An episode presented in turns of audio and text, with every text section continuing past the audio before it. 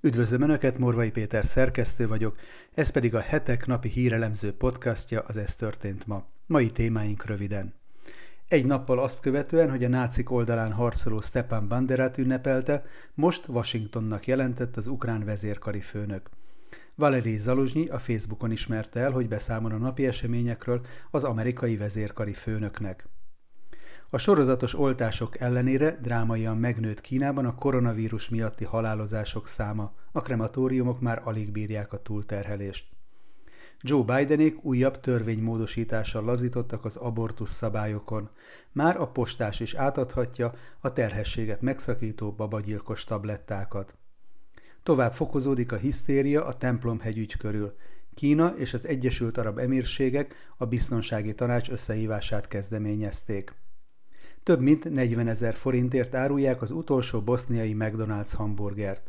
Azt nem tudjuk, hogy ki veszi meg, de az biztos, hogy az állaga miatt nem kell aggódnia a szerencsés vevőnek, mert a búcsú burger még évek múlva is egyben lesz.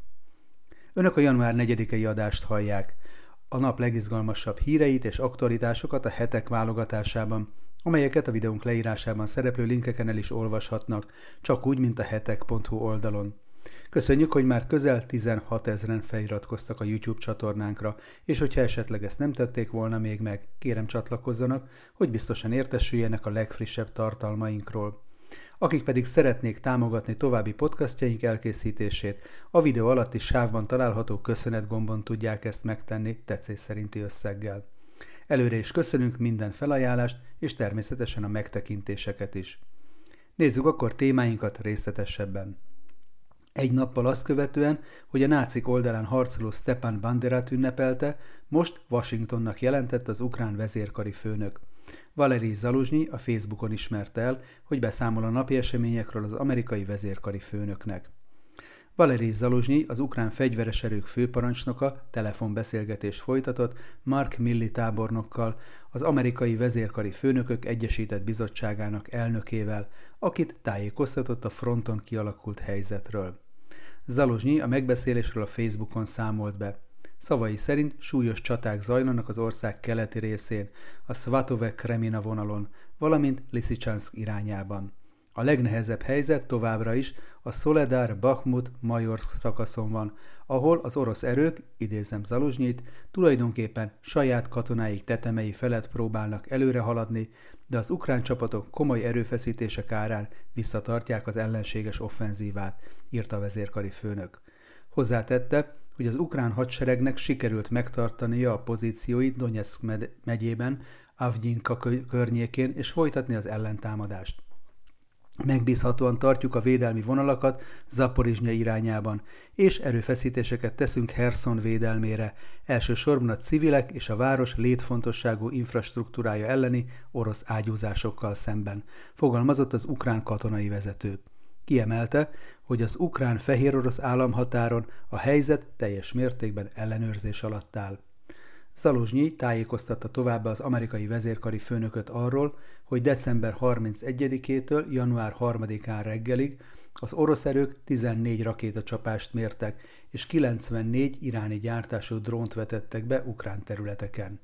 Köszönetet mondott Millinek az Ukrajnának nyújtott külföldi légvédelmi rakétarendszerekért, amelyeket, mint írta, az amerikai vezérkari főnök aktív közreműködése révén bocsátottak az ukrán fegyveres erők rendelkezésére. Mint arról tegnap beszámoltunk, az orosz-ukrán háború ellenére sokan ünnepelték nacionalista csoportokkal együtt Stepan Bandera születésének 114. évfordulóját Ukrajnában. A lengyel külügyminisztérium tiltakozott a megemlékezések ellen, hiszen Bandera több lengyel és zsidó ember haláláért volt felelős a második világháborúban. Ukrajnában több helyen is összegyűltek a helyiek, hogy zászlós felvonulással, nacionalista csoportokkal közösen emlékezzenek meg Stepan Bandera születésének évfordulójáról. Az ukrán parlament fotót osztott meg a Twitter oldalán, amelyen az ukrán haderővezérkari főnöke Valeri Zaluzsnyi látható egy Bandera kép előtt. Az eredeti posztban nem csak Zaluzsnyi fotója szerepelt, hanem több idézet is Bandera könyveiből. Banderát Ukrajnában a mai napig hősként ünneplik, miközben több ezer lengyel és zsidó ember haláláért felelős. Joe Bidenék újabb törvénymódosítással lazítottak az abortusz szabályokon. Már a postás is átadhatja a terhességet megszakító babagyilkos tablettákat. A Biden adminisztráció jogszabálymódosítása nyomán az amerikai gyógyszertárak immár kevesebb megkötéssel forgalmazhatják az abortusz tablettákat. Az amerikaiak egész mostanáig kizárólag személyesen juthattak hozzá a pirulákhoz. Az új szabályozás értelmében továbbra is szükség lesz receptre ahhoz, hogy kiadják a vásárlóknak a gyógyszert, de innentől kezdve már nem kell személyesen elfáradniuk a sarki gyógyszertárba. A szabályok mostani lazulásával jelentősen növekedhet a tablettás abortuszok száma, de a demokrata kormányzat várhatóan nem fog itt megállni az abortuszhoz kapcsolódó jogszabálymódosítások frontján, hanem egyre nagyobb teret fog biztosítani a magzat elhajtás úgymond progresszív kívánalmának. A módosítás kapcsán érdemes kiemelni, hogy az abortusz tabletták iránti kereslet komolyan megnőtt, miután a legfelsőbb bíróság egy tavalyi döntésével eltörölte az abortuszhoz való szövetségi szinten biztosított jogot, majd pedig több állam is jelentős törvénymódosításokat hajtott végre a magzati élet védelme érdekében az abortuszok korlátozásával. Úgy tűnik tehát, hogy a pirulás alternatíva egyre nagyobb súlyjal fog bírni az amerikai abortuszok számadatai alakulásában.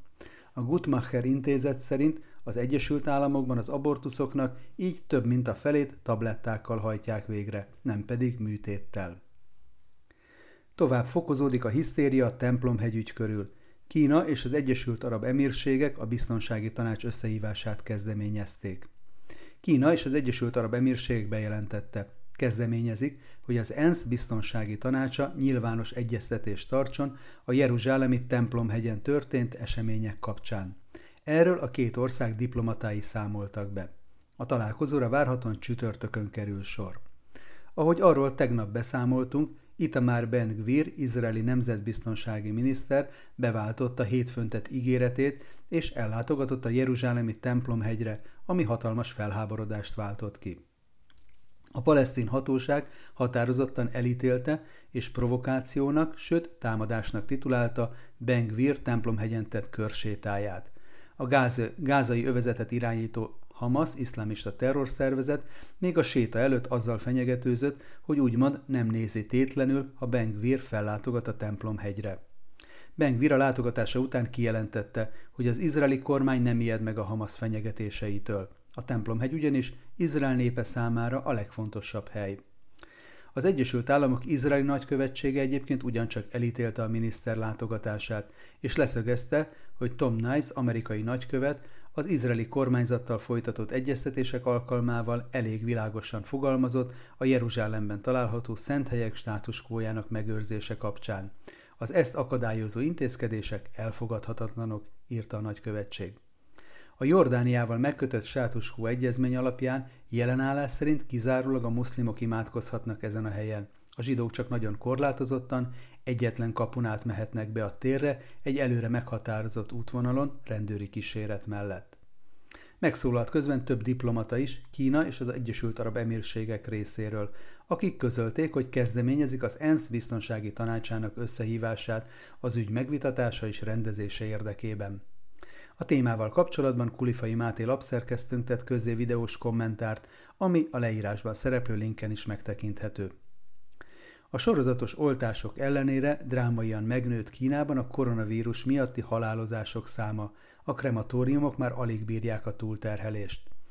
Olyan nagy számban halnak meg Kínában a koronavírus miatt, hogy a krematóriumok és a temetők nem győzik fogadni az elhunytak földi maradványait. Volt, ahol öt napig kellett várnia egy családnak, hogy elvigyék a lakásból idős rokonuk holtestét. Szakértők szerint a jelenlegi 9000-ről 25 ezerre fog emelkedni január végére a napi halálozások száma. Egész Kínában komoly kihívás jelent a koronavírus pusztítása. A Longua nevű körzeti illetékesek közölték, hogy a helyi krematóriumba több mint 500 holtest érkezik napi szinten, ami nagyjából ötször annyi, mint normál esetben.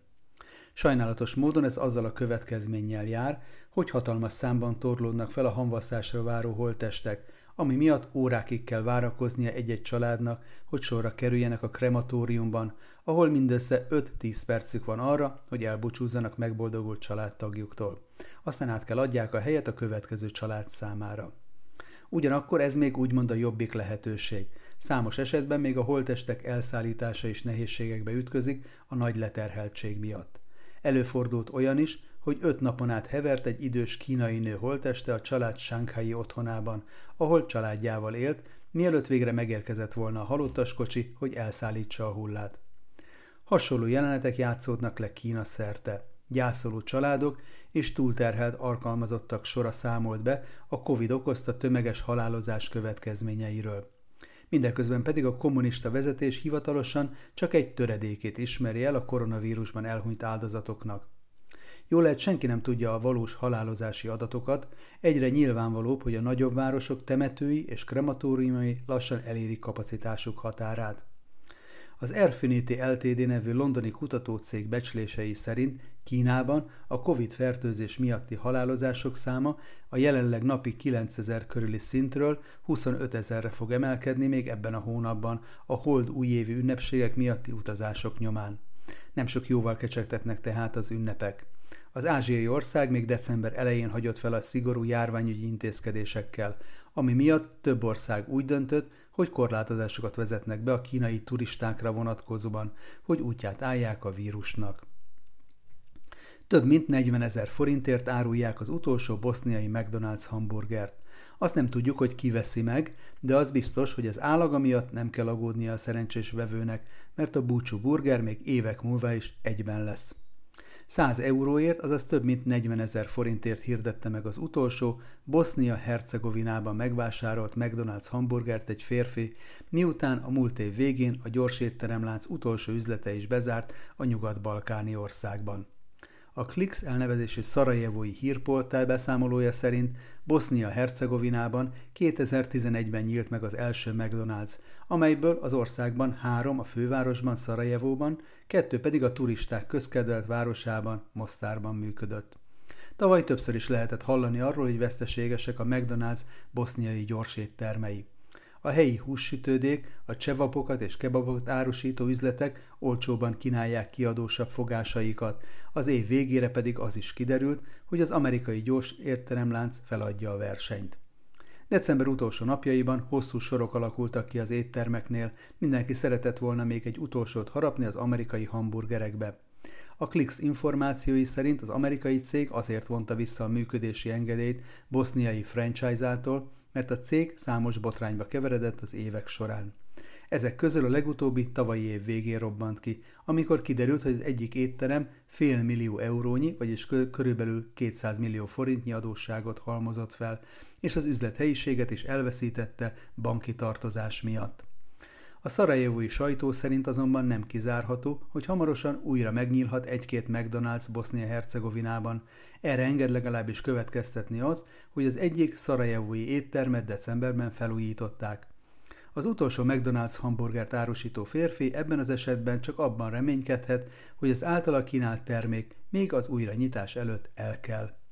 Nos, ennyi fér bele mai ajánlónkba. Morvai Pétert hallották az Ez történt ma mai adásában.